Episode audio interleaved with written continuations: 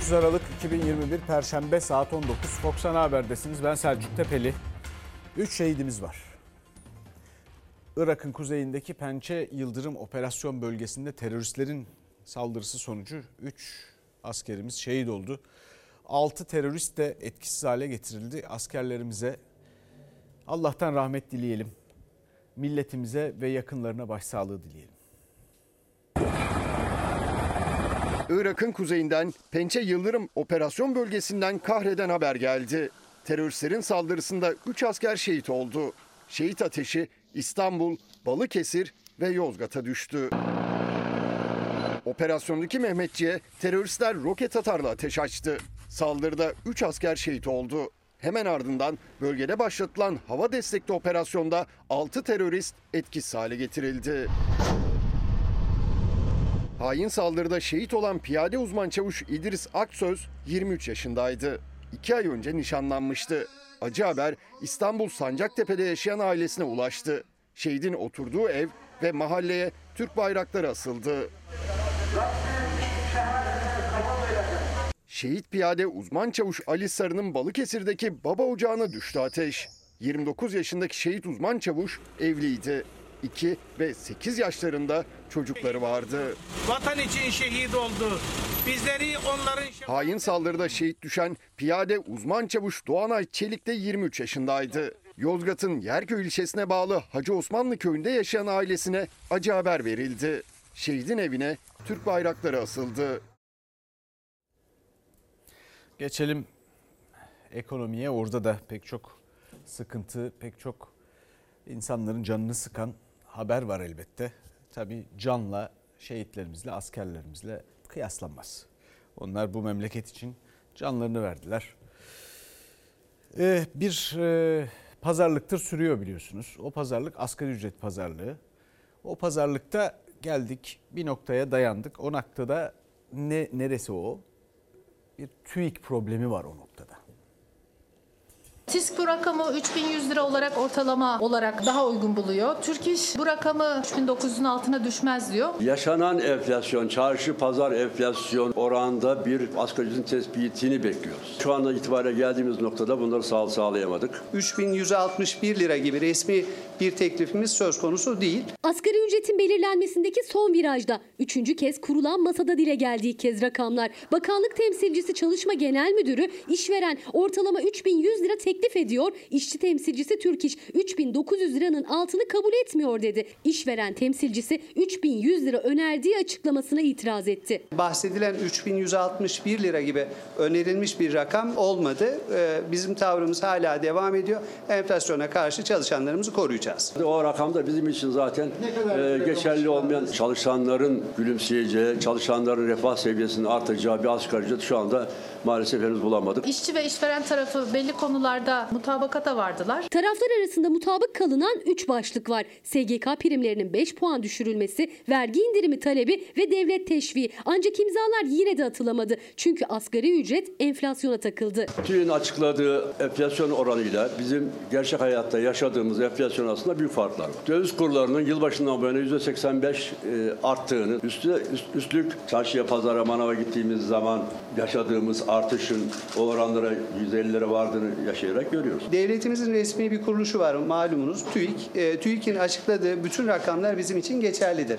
Onun dışında farklı enflasyon oranları açıklayan kuruluşlar var ama bizim esas almak durumunda kaldığımız kuruluş TÜİK'tir. Türkiye İşveren Sendikaları Konfederasyonu asgari ücret zammı için TÜİK'e esas alırız demiş.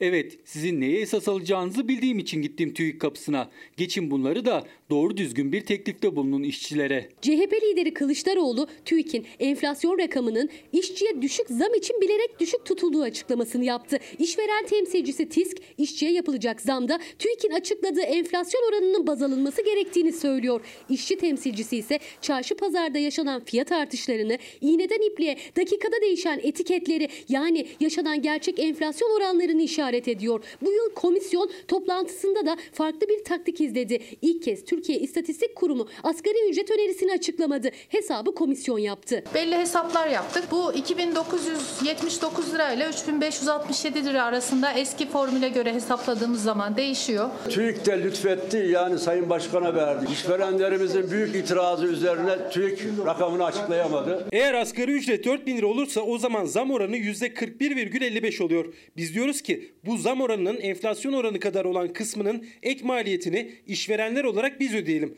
Kalan kısmını kamu yüklensin. Asgari ücret masasındaki Türkiye İşveren Sendikası Konfederasyonu TÜİK'in %21'lik enflasyon oranını dikkate alacağız derken bir başka işveren kuruluşu müsiyatsa %41,5'luk zam önerdi. TÜİK rakamının neredeyse iki katı kadar. 4 bin liralık asgari ücret önerisini yaparken enflasyon yükünü biz kalan kısmının devlet tarafından üstlenilmesinin özellikle altını çizdi. İşveren temsilcilerinden biri diyor ki TÜİK'e esas alırız. Bir başkası diyor ki yarısını biz ödeyelim işveren olarak yarısını kamu ödesin. Şimdi bu ikisi şu demek. TÜİK e, başından beri biz de burada söylüyoruz. TÜİK'in rakamları baz alındığında, esas alındığında bir sıkıntı var. Hayatın gerçekleriyle uyuşmuyorsa eğer ki bunu herkes her gün yaşıyorsa son karar verilecek noktada bir pazarlıkta da onlara bakılıyorsa bir problem var demektir. Gerçeklerle bir ekonomi doğru dürüst bir noktaya getirebilir. Başka türlü bu iş olmaz. Diğer temsilci de diyor ki yarısını biz ödeyelim yarısını kamu ödesin. Yani zam verdiğimiz işçinin maaşından alınan vergiyle ödensin bu. İşveren de şöyle haklı tabii. Şimdi burada doluya koysan almayan, boşa koysan dolmayan bir durum var. Neden? E çünkü onlar da bir şey kazanmadıklarını söylüyorlar. Arttırıldığı zaman ve onların kabul edemeyeceği bir şekilde arttırıldığı zaman işte istihdamda bir problem yaşanacak. İşsizlik artabilir. Bunu yönetmesi gereken ve burada bu sorunun oluşmasının önüne geçmesi gereken siyasi iktidar ve onun performansıdır. Var mı öyle bir performans? Yok. Ne var onun yerine? Fars. Fars diye bir şey var. Fars'ın ne olduğunu biliyor musunuz? Pek çok bilen vardır. İncelikten yoksun bir çeşit mizah oyunu. Fakat burada oyunculuklar da çok kötü olduğu için durum daha da kaba bir hal alıyor. Orada bir takım pazarlıklar yapılıyor sözde. Sözde bir takım pazarlıklar yapılıyor. Efendim sözde verilerinden hareket edilen bir kamunun, devletin bir istatistik kurumu var. Ve bunun üzerinden de bir anlaşmaya falan varılamıyor. Sonunda ne olacak? Bakın bir izleyicimiz demiş ki motorlu taşıtlar vergisinde oran %36'dan 25'e indirildi. Ölümü gösterip sıtmaya razı etmek dedikleri bu olsa gerek.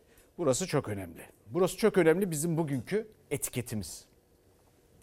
Şimdi böyle oluyor. %36 gibi yüksek bir şey açıklanıyor. Sonra Cumhurbaşkanı Erdoğan burada da devreye girecek ve bir jest yapacak. Kime?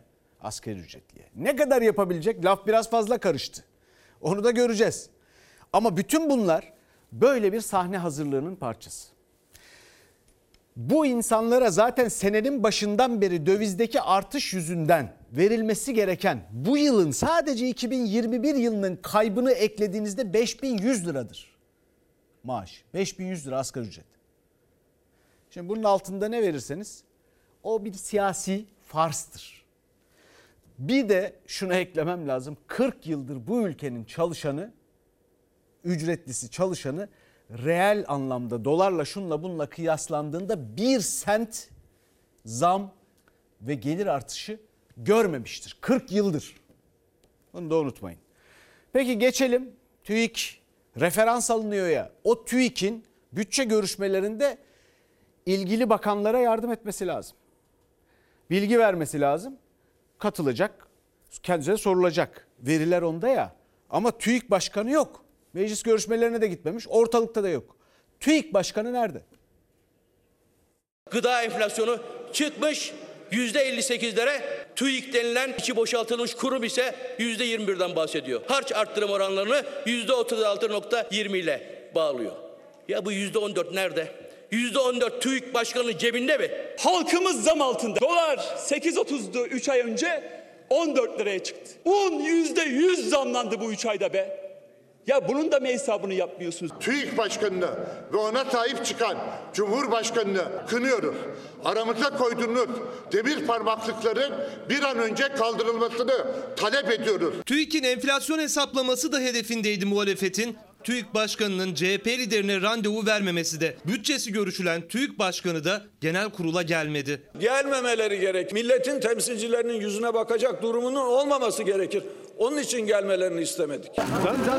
Burası enflasyon oranlarını açıklıyor. Bu rakamlar güven vermiyor. Bak Bay Kemal bundan sonra da devletin kurumlarına böyle randevusuz gidilemeyeceğini öğren. CHP lideri Kılıçdaroğlu TÜİK'in açıkladığı enflasyon rakamlarından sonra soluğu TÜİK kapısında aldı. Ancak demir kapı açılmadı. Muhalefet ve iktidar arasında TÜİK tansiyonu yükselirken CHP o gün kapıyı açmayan TÜİK Başkanı'nın Hazine ve Maliye Bakanlığı'nın bütçesi için genel kurula gelmesini bekliyordu. Başkan Sayit Erdal Dinçer genel kurula gelmedi ama CHP'nin hedefindeydi. Yargılanacak TÜİK Başkanı. Nerede yargılanacak? Yapmış olduğu, işlemiş olduğu belgede sahtecilik. Bu saçmalıklara başladığınız günde 16.50 idi. Şimdi 22.70'e getirdiniz. %6,10 faizlerde artış yaptınız. Güya politika faizini aşağı indirdiniz. Ben ne anladım bu politika faizini aşağı indirmenizden ya? Yeni ekonomi politikası ve o politika değişikliğiyle Hazine ve Maliye Bakanlığı koltuğuna oturan Nurettin Nebati de muhalefetin hedefindeydi. Merkez Bankası'nın faiz indirimine rağmen hazine borçlanma faizi yükseldi. Yüzde 15 ile bankaya para veriyorsunuz. Yüzde 22 70 ile aynı banka geliyor hazineye para veriyor. Böyle bir şey olabilir mi ya? Bu model hazineye kumpastır arkadaşlar. Siz bu hazineden mi intikam almaya çalışıyorsunuz? Cumhuriyetten mi intikam almaya çalışıyorsunuz? Gerçekten kafayı mı yediniz ya? Bu yolsuzluktur arkadaşlar. Bu ihanettir arkadaşlar. Yüksek faiz savunanlara diyorlar ki vicdanlarınıza sesleniyorum. Kur daha ne kadar yükselecek diyor. Birileri faizden fahiş paralar kazanırken vicdanlarınız neredeydi? Ya kur serbest olsa ne olacak? Ne zarar var bundan diyen arkadaşlar var. Bile bile mi yaptınız bunu? Yani birilerine gel kardeşim sen altın ve dövizlerine kağıtlarımızı al. Biz de yarın bir gün size çok güzel kazançlar vereceğiz diye birilerine özellikle mi yaptınız bunu? Türkiye Cumhuriyeti hazinesine kumpas mı kurdunuz Sayın Bakan? Muhalefetin eleştirilerine yeni bakan Nurettin Nebati yanıt verecek. Şimdi burası çok önemli. Bakın 40 yıldır çalışanın gelirine bir sent dolarla kıyaslandığında yani reel olarak hiç artış yapılmadı derken boşuna söylemiyorum. 1980 darbesinden beri diyorum. Bunların hepsinin kaydı kuydu var. Bunların kitaplarında söylerim. Mesela bir tanesi küreselleşme sürecinde Türkiye ekonomisi. Bakın. Bakın bütün hepsi resmi rakamlar bunların. Bu devletin resmi rakamları. Bakın bakalım bir sent gelir artışı yaşamış mı çalışan? Peki buraya bakalım. TÜİK'e göre kira yüzde bir buçuk artmış. TÜİK'e göre telefon hiç artmamış telefon fiyatları. TÜİK'e göre beyaz peynir de hiç artmamış. Fiyatı hiç artmamış. TÜİK'e göre kuzu eti yüzde iki artmış. 2.2. TÜİK'e göre ekmek yüzde yedi zamlanmış. TÜİK'e göre yumurta yüzde dokuz buçuk zamlanmış. Siz biliyorsunuz bunları. Bütün bunları görüyorsunuz, yaşıyorsunuz. Dolayısıyla siz daha iyi değerlendirirsiniz. Peki geçelim şimdi ekonomiyle son derece ilgili başka bir konuya. Ne kadar ilgili olduğunu göreceksiniz bir yandan da. Çünkü bir takım yatırımlar bu söz konusu pazarlıklar sırasında ortaya çıkacak meblaları ödemek için kaynak bulunması yönünde bir takım çabalar var ya. Mesela Birleşik Arap Emirlikleri'ne gidildi filan. Ondan önce Katar geldi filan. Şimdi burada bu ilişkiler nasıl ve neden düzeldi sorusu var ve muhalefet de bunu soruyor şimdi Erdoğan'a, Cumhurbaşkanı Erdoğan'a Birleşik Arap Emirlikleri tepkisi. Dün 15 Temmuz'un fail dediklerine bugün devlet töreni yapıyorlar ya. Abu Dhabi Veliaht Prensi Muhammed bin Zayed El Nahyan'ın ülkemizi ziyareti de Körfez bölgesiyle yeniden yükselme sürecine giren ilişkilerimizin bir başka işaretiydi. 251 insanımızın şehit olmasıyla, binlerce insanımızın gazi olmasıyla sonuçlanan darbe teşebbüsünün arkasında olan bir ülke ise siz hangi hakla bu ülkeyi resmi törenle karşılıyorsunuz ya? Birleşik Arap Emirlikleri ile Türkiye arasındaki normalleşme ve atılan imzaların üzerinden günler geçti ama tartışma sürüyor. Deva Partisi lideri Ali Babacan, Birleşik Arap Emirlikleri ile ilgili geçmişte yapılan açıklamaları izletti tek tek. Türkiye'de darbe girişimi olduğu zaman Körfez'de kimlerin buna sevindiğini biz çok iyi biliyoruz. Bu ülkeyi açık açık 15 Temmuz hain darbe teşebbüsünü desteklemekle suçluyorlar. Bugün Cumhurbaşkanımıza antisemitist diye saldıranlar 15 Temmuz'un failini kendi ülkelerinde tutuyorlar. Ortakları da Birleşik Arap Emirlikleri. Darbe teşebbüsü ne zaman? 2016. En son video 2021. 5 sene boyunca diyorlar ki bu ülke 15 Temmuz'un destekçisi, bu ülke düşman. Bizim Abu Dhabi yönetimiyle attığımız bu adım tarihi bir adım. Çatlasanız da patlasanız da. Biz hepsiyle de münasebetlerimizi çok daha iyi bir konuma inşallah getireceğiz. Çünkü bizim en önemli özelliğimiz bu. En önemli özellikleri U dönüş yapmak, zikzak yapmak, yalpa yapmak. En önemli özellikleri bu. Ya ne diyor bir de çatlasanız da patlasanız da diyor. Onları itham eden sizsiniz. 5 yıl boyunca 15 Temmuz'un bu ülke destekçisi diyen sizsiniz. Birleşik Arap Emirlikleri ile 15 Temmuz darbe girişimi sonrası ilişkiler askıya alındı. 5 yıl sonra Veliaht Prens'in Ankara ziyaretinde 10 ayrı anlaşma imzalandı. Milyarlarca dolarlık yatırım yapma sözü alındı. Sayın Erdoğan'a sesleniyorum. Nereden nereye diyorum. 15 Temmuz halkımızın sokaklarda kazandığı bir demokrasi zaferidir. Bunu siz daha sonra yanar döner ilişkilerinizde kullanın diye çıkmadı o gece bu insanlar sokağa. Birleşik Arap Emirlikleri'nin ülkemize yapacağı 15 milyar dolarlık yatırımın müjdesini de kamuoyuyla paylaştık. En stratejik tesislerimize küçük bedeller karşılığında bu ülkeleri ortak etme niyetinden bahsediyoruz. Herhalde bu ülkelere bakınca Sayın Erdoğan'ın gözlerinde önce bir dolar işaretleri oluşuyor öyle bakıyor bu ülkeye. Başka da gözü hiçbir şey görmüyor. Varsa yoksa para ya.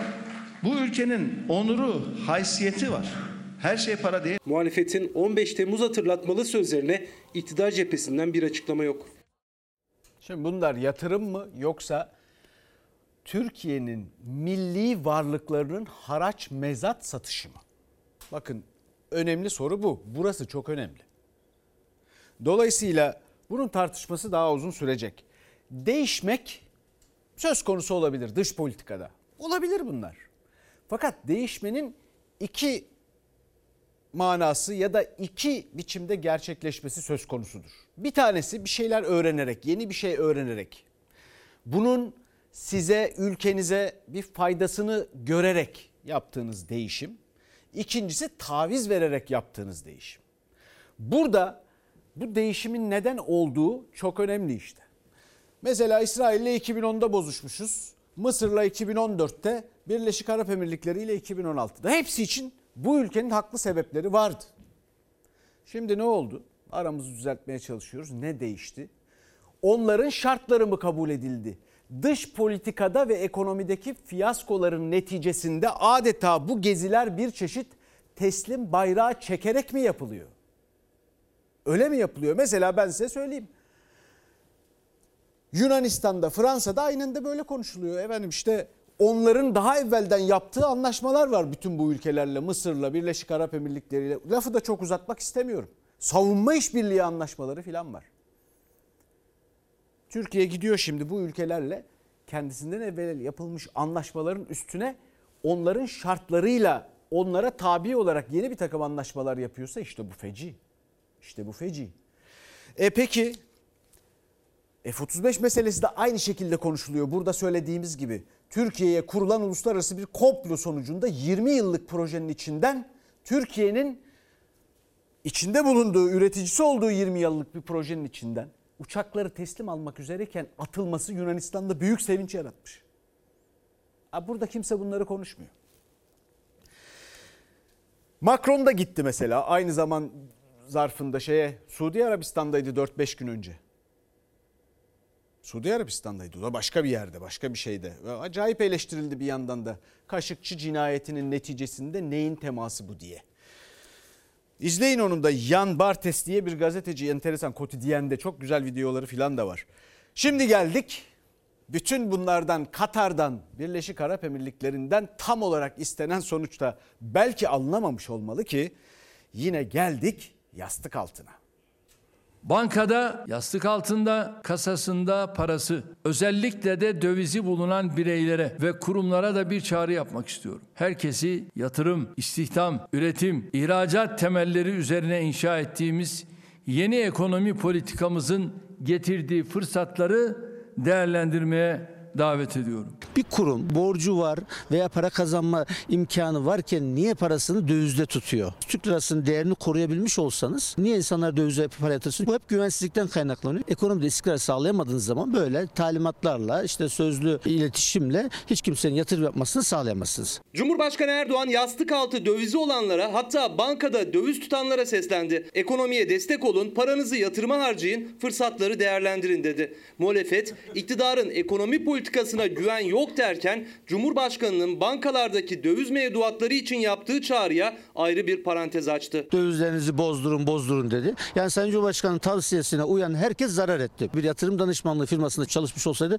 şimdiye kadar çoktan kovulurdu. Döviz, altın ve Türk lirası cinsinden tasarrufu bulunanların da bu büyük atılıma katılmaları halinde ülkemiz çok daha kısa sürede dünyanın en büyük 10 ekonomisi arasına girebilecek seviyeye ulaşacaktır. Bunlar çok tehlikeli beyanatlar. Şu anda bankaların kabaca ellerinde döviz likiditesi 28 milyar dolar. Pasiflerinde olan döviz mevduatı 260 milyar dolar. Bu insanlar dövizlerini talep etmeye başladığı zaman buna hiçbir bankacılık sistemi dayanmaz. Bu tedirginlik başlarsa finansal sistem çöker. Düşük faiz ve dengeli kur ile üretimi ve istihdamı adım adım daha ileriye taşıyacağız. Merkez Bankası'nın bankalara açtığı kredinin faizi inmiş.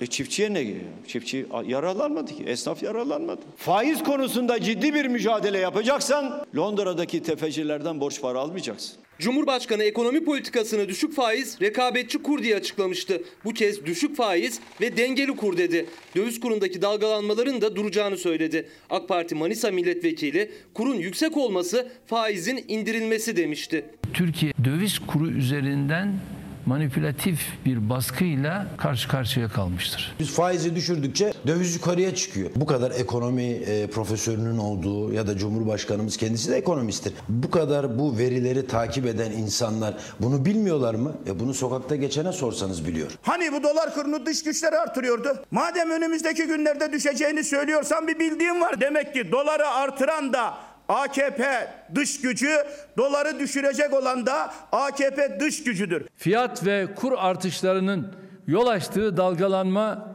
bir süre sonra mutlaka duracaktır. 11 ayda dolar 5 lira 20 kuruş arttı.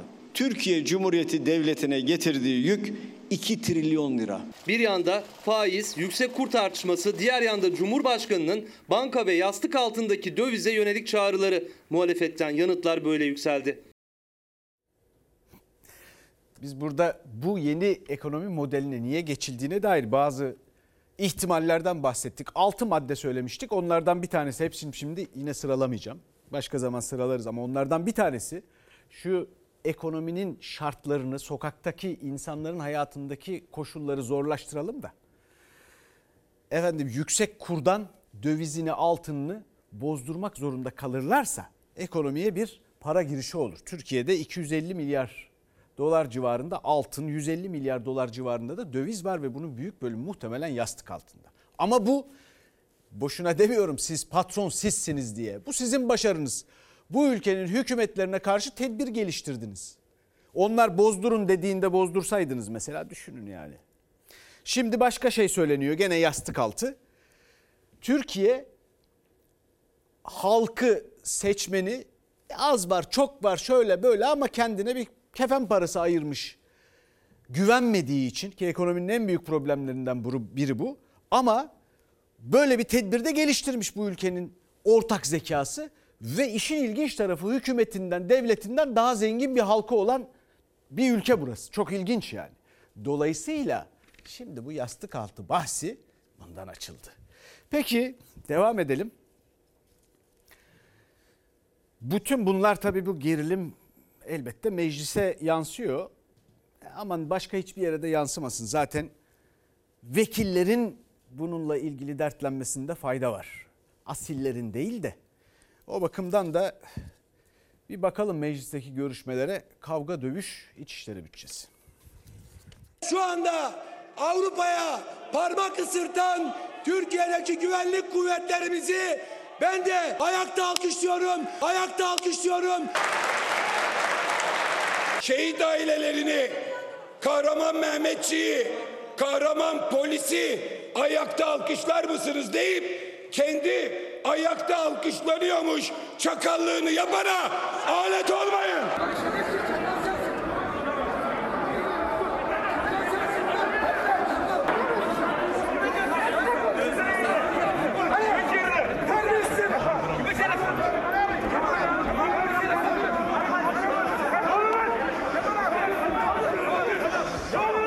İçişleri Bakanlığı bütçesinde gece bitmeden ikinci kavga patlak verdi. Bakanla CHP arasındaki söz düellosunda yine yumruklar konuştu.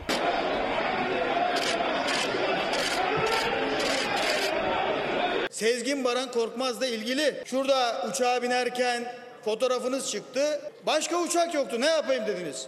Ya Cumhurbaşkanı'na bir söyleseydiniz.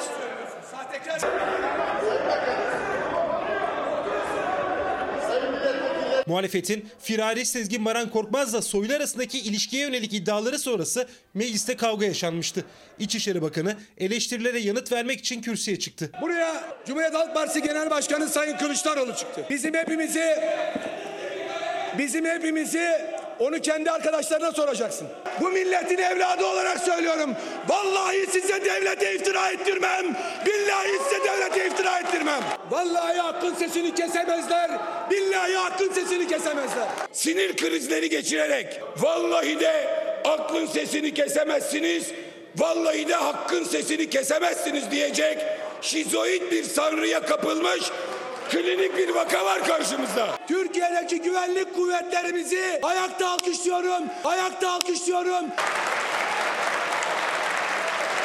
Bir oyuna gelmeyin. Kahraman Mehmetçiği, kahraman polisi ayakta alkışlar mısınız deyip kendi ayakta alkışlanıyormuş çakallığını yapana alet olmayın.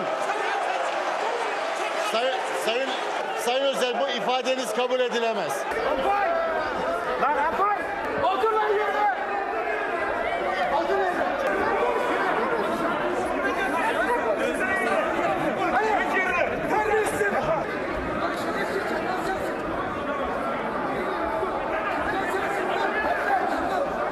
Özgür Özel'in ifadeleriyle AK Parti CHP milletvekilleri ayaklandı. Sonrasında yumruklar havaya kalktı.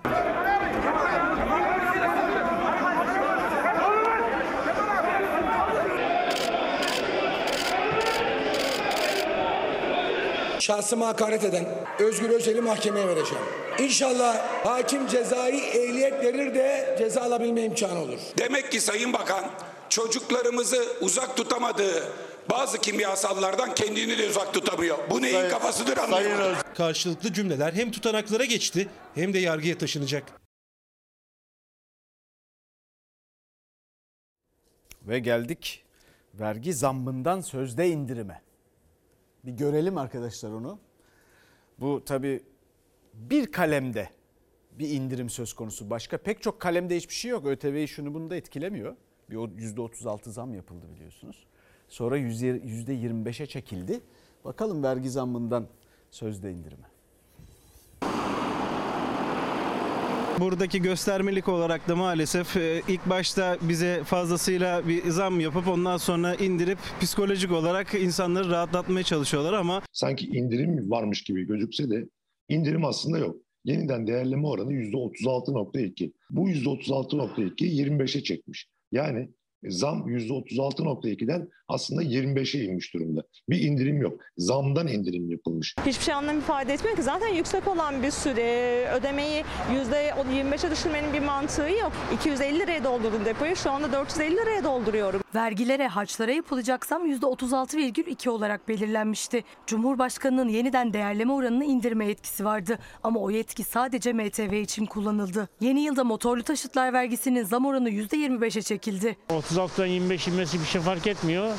Demek ki 1150 olacaktı 950 oldu. Bugün MTV oranı işte ortalama Türkiye'de en çok satan 1.6 litrelik bir otomobili kıyaslarsak eğer bugün için 2197 TL olan e, MTV oranı 549 lira artacak ve 2700 46 liraya yükselecek. MTV aracın yaşına ve motor hacmine göre değişiyor. %36'lık zamla %25'lik zam arasında ise büyük bir fark yok. Ortalama 1600 liralık vergide fark sadece 184 lira. MTV zammının %25'e çekilmesiyle bir sürücünün cebinde ortalama 180 lira kalıyor.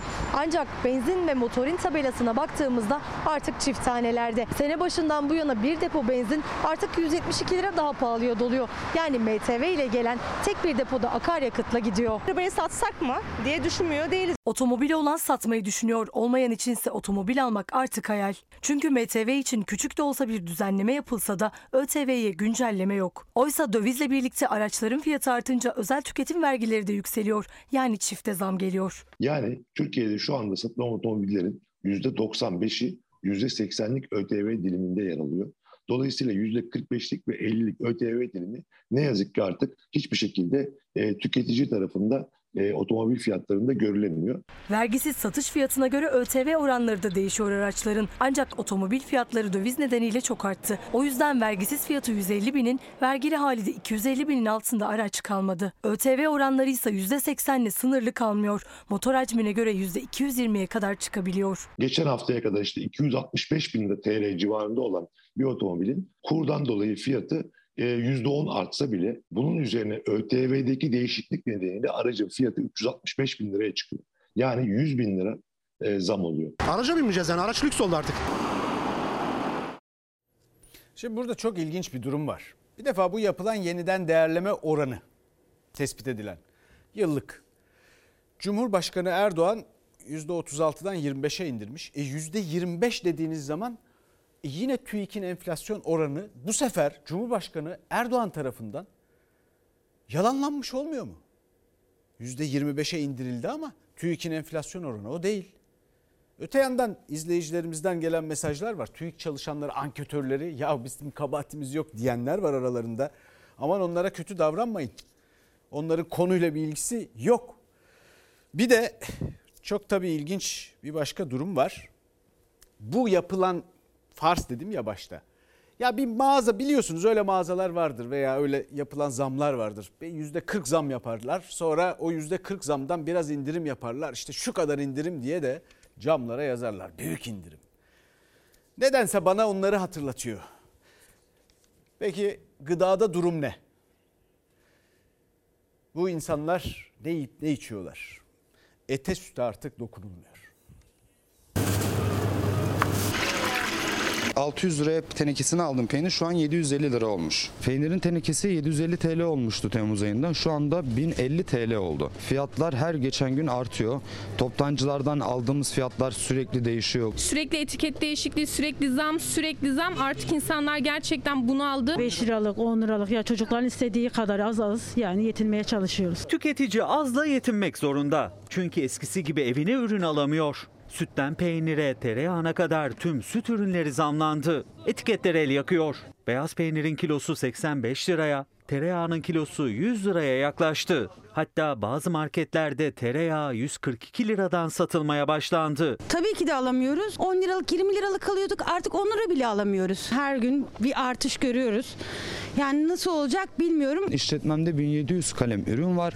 Bunların 1700'üne de zam geldi. En az zam gelen oran ise %40. Ne tüketici ne de satıcı fiyatlara yetişebiliyor. Çiğ sütün fiyatı 3 lira 20 kuruştan 4 lira 70 kuruşa yükseltilmişti. %46'lık bu artış sadece süte değil tüm süt ürünlerinin fiyatına da yansıdı. Etiketler sil baştan değişti raflarda. Süt ürünlerine ortalama %15 ile 20 arasında zam geldi. Burada beyaz peynirin kilosu 50 liradan 60 liraya, tereyağının kilosu 65 liradan 75 liraya, eski kaşarın kilosuysa 70 liradan 80 liraya yükseldi. Temmuz ayında süt ürünlerine gelen zammın haberini İstanbul Bahçeli Evler'de yine bu peynircide yapmış, fiyat artışını gözler önüne sermiştik. Yine aynı peynircideyiz. Fiyatlar sürekli yükseliyor etiketler sürekli değişiyor. Beyaz peynir o dönemde 60 liraydı, şimdi kilosu 85 lira. Tereyağı da 75 liradan 95 liraya çıktı ve eski kaşarın kilogram fiyatı da 80 liradan tam 120 liraya yükseldi. Her şey pahalı bu kadar da olmaz yani. Her gün her gün her gün zam olabilir mi ya? Kimse hani hiçbir şekilde alışverişini tam olarak yapamıyor. Kimse istediği ürünü hiçbir şekilde alamıyor. TÜİK'e göre toplanan süt miktarı %2 arttı. Buna rağmen son 5 aydaki fiyat artışı ortada. 5 litrelik çiğ sütün satış fiyatı 50 liraya yaklaştı. Sütün 5 litresi bundan bir hafta önce 28 liraydı. Şimdi ise raflarda 33 lira. Temmuz ayında 5 litre sütün fiyatı 28 liradan 33 liraya çıkmıştı. Son gelen zamla yoğurt yapmak için tüketicinin tercih ettiği 5 litre sütün fiyatı 48 liraya yükseldi. Özellikle kalabalık aileler temel gıda ürünlerini bu zamlardan sonra kısmak zorunda kalıyor. 4 kilo aldığım sütten bugün sadece 1 kilo alabiliyorum. Benim aldığım 3000 lira maaş. E, Ben e, süt mü alacağım, ekmek mi alacağım? Emre İskübarlas o peyniri, sütü elinde böyle salladıkça ben tedirgin oldum. Altın gibi. Şimdi gidelim Onur'a bakalım. Onur Tosun da etle ilgili detayları versin bize. Ne kadar etin kilosu biliyor musun? Valla çoktandır almadığım için bilmiyorum. 105 lira oldu. Her şey fırlamış gitmiş her şey. Hani şu an asgari ücret 2800 2800'de hiçbir şey alamıyorum. Ben şu an hastaneden geliyorum. Göğüs hastanesine tekrar gitmem gerekiyor. Yol param yok onun için gidemiyorum. Biz en son hangi gün gelmiştik buraya? 24 Kasım 15 gün oldu. Geldiğinizde 85'ti şimdi bak tabelaya. Hala geliyor. Hala durmadı zamlar. Pazartesi günü gene zam istiyorlar. Sadece son 15 günde etin kilosuna 20 lira zam geldi. Kuşbaşı ve kıymanın fiyatı 100 liranın üstüne çıktı. Bir ayda, bir buçuk ayda sürekli zam geliyor. Pazartesinden pazartesiye 3 kere zam geldi. Tüketicinin uygun fiyatından dolayı en çok tercih ettiği et türleri dana, kıyma ve dana kuşbaşı. Şu anda fiyatları 85 lira ama yakında zam gelmesi bekleniyor. Beklenen zam geldi. 24 Kasım'da 85 lira olan dana kıyma ve dana kuşbaşının fiyatı 105 liraya çıktı. 15 günde gelen zam %23,52. Üstelik ete daha da zam gelmesi bekleniyor. Dolarla mı satıyorsun, euro ile mi alıyorsun? Ama Türk lirasıyla alıyoruz. Kasap ne dövizle satıyor eti ne de dövizle alıyor. Ama dövizdeki yükseliş önce eti vuruyor. Çünkü Türkiye'nin hayvancılığı da dışa bağımlı. Yüksek fiyatlar nedeniyle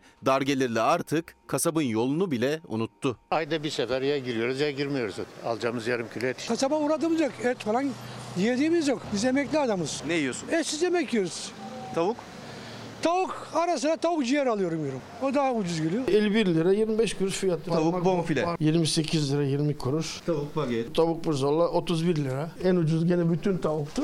26 lira 24 kuruş. En- Son 15 günde zam gelen sadece kırmızı et olmadı. Dar gelirlinin daha çok tercih ettiği tavuk fiyatları da yükseldi. Tavuk bonfilenin fiyatı 51 lira 25 kuruştan 59 lira 35 kuruşa çıktı.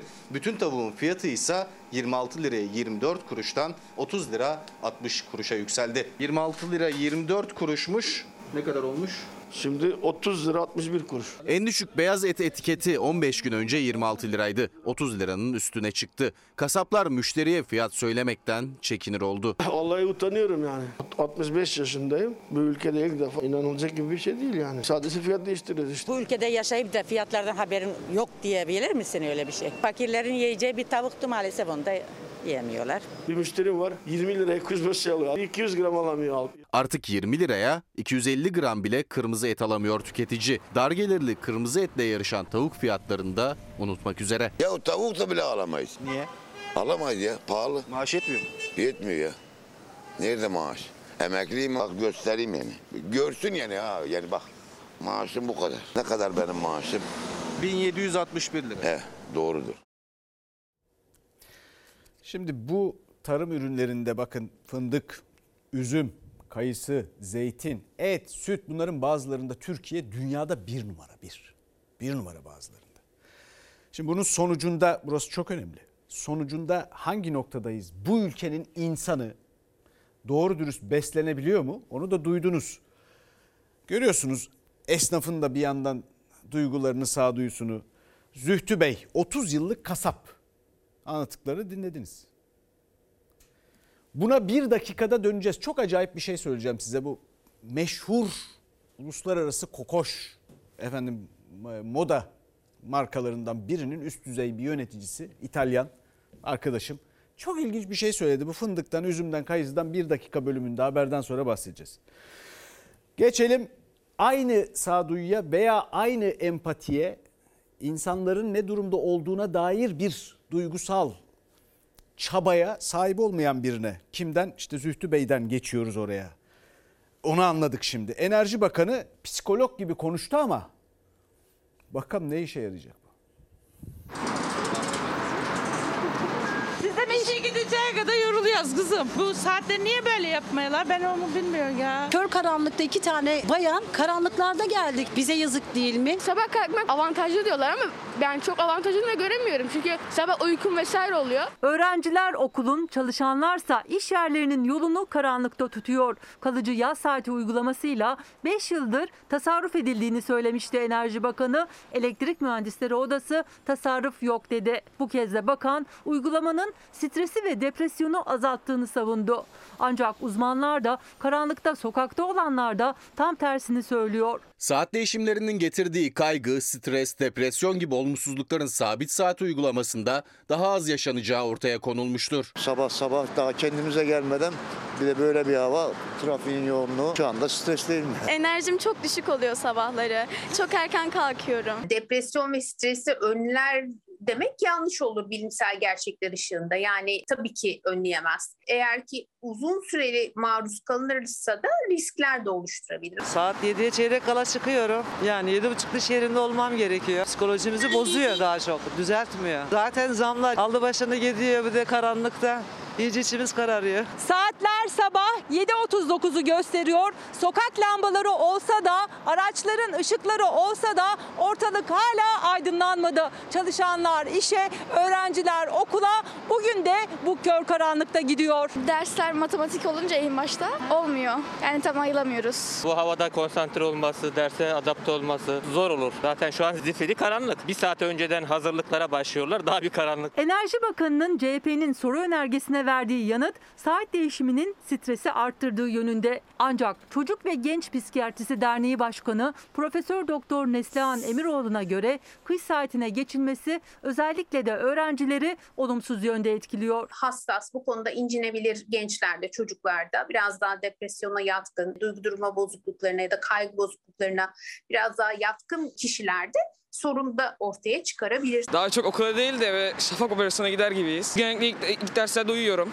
Ancak kendime gelebiliyorum. Geceler uzayıp günler kısaldıkça yola çıkanlar daha geç karşılaşıyor gün ışığıyla. Saatler 8'i geçiyor ama gün hala aydınlanmadı. Kaçıncı sınıfa gidiyorsun? 9. sınıfım ben. 7 gibi kalktım. İşte şimdi okula gidiyorum. Gitmem gerekiyor. 5 yıldır gün ışığıyla uyanabilecekleri günü bekliyor öğrenciler ve çalışanlar. Her geçen yıl umutları da tükeniyor. Uyandığınızı anlamıyorsunuz. Yani gün ışığı olmadığı zaman sanki gece uyanmış gibi hissediyorsunuz. İlk dersi etkiliyor çünkü çok uykumuz oluyor. Ama bu zamana kadar böyleyse bu saatten sonra nasıl değişir onu da bilemem yani. Umutsuzsunuz. Evet maalesef. Halden anlamak diye bir şey var biliyorsunuz. Enerji Bakanı pek anlıyormuş gibi görünmüyor. Anlasaydı bunu seçim vaadi yapsalar yani bu saat hikayesini değiştireceğiz eskiye döneceğiz deseler bayağı bir puan kazanırlardı. Ama şimdi Dürkheim'den Emil Dürkheim önemli bir sosyologtur yabancı. Hadi oradan boş verelim onu. Bu insan halinden anlamayı. Şemsettin Sami'den söyleyeyim. O da bizim eski yazarlarımızdan. O da diyor ki biz bize ait değiliz. Bir toplumda yaşayan insanlar birbirlerine sahip çıkarlar. Sahip çıkmaya çağırıyorum. Biraz anlayın ya. Geçelim şimdi aşı meselesine. Bakalım orada ne gelişmeler var. Bastırın geçmiş olsun. Yani gelinen noktada bu çağrının artık bir şey ifade etmeyeceği kadar organize bir grup var karşıda ve o grubun etkisi altına girmiş tereddütlü insanlar var. Sağlık Bakanı Fahrettin Koca vaka ve ölüm sayılarını ilk kez aşı karşıtlarına tepki göstererek yayınladı. Ancak uzmanlara göre bu uyarılar için artık çok geç. İnsanlarımızı aşıdan ön yargılarla korkutmaya çalışanlar ne kazandı? Hatalı kararlarınsa sonucunu biliyoruz. Yoğun bakımlarda yatan COVID-19 hastalarının önemli bölümü hiç aşı yaptırmamış veya aşısı tam olmayan kişiler. Aşı alınması gereken bir karar. Pişman olmayı beklemeyin. Bu bir çağrı yöntemiyle halledilecek bir sorun değil. Öyle yüksek bir aktif vaka yükümüz var ki artık aylarca eritmeye uğraşsak bile bulaşma zincirinin kırılamayacağını görüyoruz. Nerede, ne zaman, ne şekilde duracağını asla öngöremiyoruz. Her gün 20 binin üstünde yeni vaka kaydediliyor. Son 24 saatte 192 hasta daha yaşamını yitirdi. Sağlık Bakanı aşılanmayanlara pişman olmayı beklemeyin diye seslenirken enfeksiyon hastalıkları uzmanı Profesör Doktor Esin Davutoğlu Şenol da tedbir almak için gecikmeyin diye sağlık yönetimine seslendi. İyi giden ülkelere bakalım. İtalya, İspanya, Avustralya, Çin, Japonya, İsrail ölüm görmüyorlar. Aşılamada çok yüksek. Ne yaptılar? Aşılamayı %85'lerin üstüne kadar bütün risk gruplarını kavrayacak şekilde yaptılar. Yanı sıra aşı pasaportu uygulaması yaptılar. Şimdi bu derse iyi bakmak lazım. İngiltere çok daha bulaşıcı olan omikron varyantı nedeniyle aşı pasaportunu zorunlu hale getirme kararı aldı. Türkiye'de ise henüz önlem yok. Bu omikron ya da bir delta'nın yavrusu önümüzdeki kışı silip süpürecek bir başka dalga ve bir yeni varyantla karşılaşacağımız çok aşikar. Ondan önce bir el kazanıp hız yapıp aşılama e, ve e, aşı pasaportu uygulamasını getirmemiz gerekiyor. Bu çok aşikar. Bu nasıl yapılacak onu onlar bilecekler artık. Bu süreçte en önemlisi de 3. doz aşı. BioNTech aşısının hatırlatma dozunun 2 doza kıyasla 25 kat koruyucu olduğu açıklandı. Sahadaki durum aşılı kişilerde hafif seyrettiğini gösteriyor. Onun için 3. takviye dozların yapılması çok ama çok büyük önem taşıyor. Ya bu Enerji Bakanı söyleyerek bütün enerjimi aldı. Yani psikolog gibi konuşarak. Neyse devam edeceğiz konuşacağız. Şimdi bir ara vereceğiz. Bir dakika bölümünde görüşmek üzere. Pahalı kokoş uluslararası bir markanın üst düzey yöneticilerinden bir tanesi bir gün dedi ki ya bir çikolatalı fındık kreması var ünlü. Dünyada her gün yüz milyonlarca kadın adeta bu fındık kremasını yiyerek kocalarını aldatıyor. Fakat bunun yüzde yetmişi fındığının yüzde yetmişi sizden. Siz bundan hiçbir şey kazanmıyorsunuz. İşte Türk ekonomisinde siyasetin yaratıcılığına ihtiyaç duyulan nokta burası. Fındıkta, üzümde, kayısıda, zeytinde bir numarayız. Ama bizden birileri alıyor, işliyor, bize geri satıyor. Dünyada da en çok parayı onlar kazanıyor. Yaratıcılık burada lazım. Dünya kadar Türk restoranı var. Onların hangisinin standardı var? İtalyan restoranları mesela ihracat yapar İtalya. Bunların her biri bütün aldıkları gıda ürünlerini İtalya'dan alırlar. Ve her sene milyarlarca euro para kazanırlar. Efendim bizden sonra misafir dizisi var final bölümüyle. Yarın görüşmek üzere. Bütün alem kurban benim yurduma لا لا لا لا لا لا لا لا لا لا لا